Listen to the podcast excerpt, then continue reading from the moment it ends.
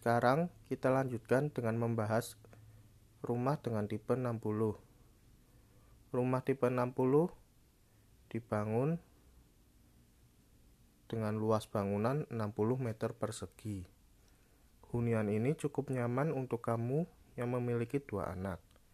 Hal ini karena bangunan bisa dibagi menjadi tiga kamar tidur, dua kamar mandi, satu ruang tamu, ruang keluarga, garasi mobil, dan teras rumah.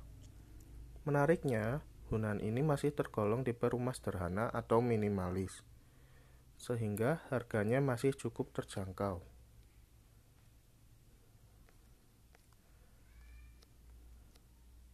Dimensi dari tipe rumah 60 biasanya 6 kali 10 meter persegi.